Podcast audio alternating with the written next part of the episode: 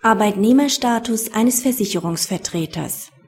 Haben die Parteien für eine Mitarbeit den Vertragstypus einer selbstständigen Tätigkeit gewählt, ist diese Entscheidung im Rahmen der bei jeder Statusbeurteilung erforderlichen Gesamtabwägung mit zu berücksichtigen, sofern die Tätigkeit typischerweise sowohl in einem Arbeitsverhältnis als auch selbstständig erbracht werden kann die Parteien haben ein Vertragsverhältnis vereinbart, das eine Tätigkeit des Versicherungsvertreters als selbstständiger Gewerbetreibender im Hauptberuf für das Versicherungsunternehmen vorsieht.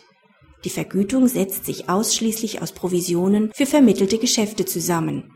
Diverse Nebenabreden konkretisieren die Pflichten des Versicherungsvertreters hinsichtlich des zeitlichen Einsatzes, der Erstattung von Berichten sowie dem Besuch von Seminaren nach der Beendigung des Vertragsverhältnisses verlangt der Versicherungsvertreter von dem Versicherungsunternehmen die Zahlung einer üblichen Vergütung gemäß den Bestimmungen der Tarifverträge für das private Versicherungsgewerbe anstelle der vereinbarten Provisionen.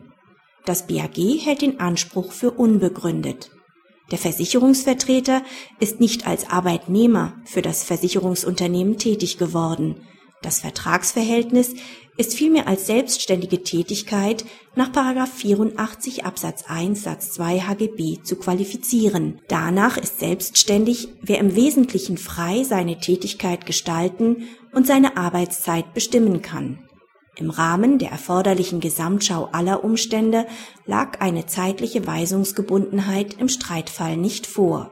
Allein die Vorgabe, pro Woche 15 bis 20 Kunden besuchen zu müssen, führt nicht zu einer solchen Weisungsgebundenheit, solange dem Versicherungsvertreter ein nicht unerheblicher Spielraum im Hinblick auf die Organisation und Durchführung der Besuche verbleibt.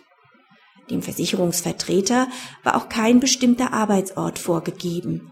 Die Zuweisung eines bestimmten Bezirks oder Kundenkreises ist grundsätzlich mit dem Status eines selbstständigen Handelsvertreters vereinbar das ergibt sich bereits aus 87 Absatz 2 HGB, in dem eine solche Abrede vorausgesetzt wird. Auch die vereinbarten Berichtspflichten überschreiten nicht das gesetzlich bei einem selbstständigen Status zulässige Maß. Im Rahmen der erforderlichen Gesamtwürdigung kann auch nicht unberührt bleiben, dass die Parteien ihr Rechtsverhältnis ausdrücklich als selbstständige Tätigkeit eingeordnet haben da die Tätigkeit eines Versicherungsvertreters sowohl selbstständig als auch im Rahmen eines Arbeitsverhältnisses erbracht werden kann, müssen sich die Parteien im Zweifel an dem von ihnen gewählten Vertragstypus festhalten lassen, solange sie im Geschäftsverkehr nicht gänzlich unerfahren sind. Das ist im vorliegenden Fall weder bei dem Versicherungsvertreter noch bei dem Versicherungsunternehmen anzunehmen. Praxishinweis mit seiner Entscheidung bestätigt das BAG eine Ausnahme von der Regel, dass die von den Parteien gewählte Vertragsbezeichnung für die rechtliche Einordnung des Vertragsverhältnisses unbeachtlich ist. Diese Rechtsprechung ist grundsätzlich zu begrüßen, da sie die Vertragsfreiheit stärkt.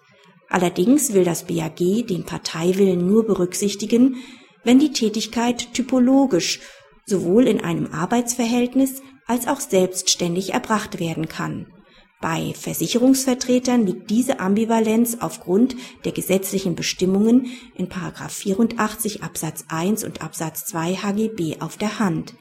In modernen Dienstleistungsgesellschaften dürfte die Zahl solcher ambivalenten Tätigkeiten allerdings tendenziell steigen, da zeitliche und örtliche Flexibilität der Beschäftigten ständig zunehmen.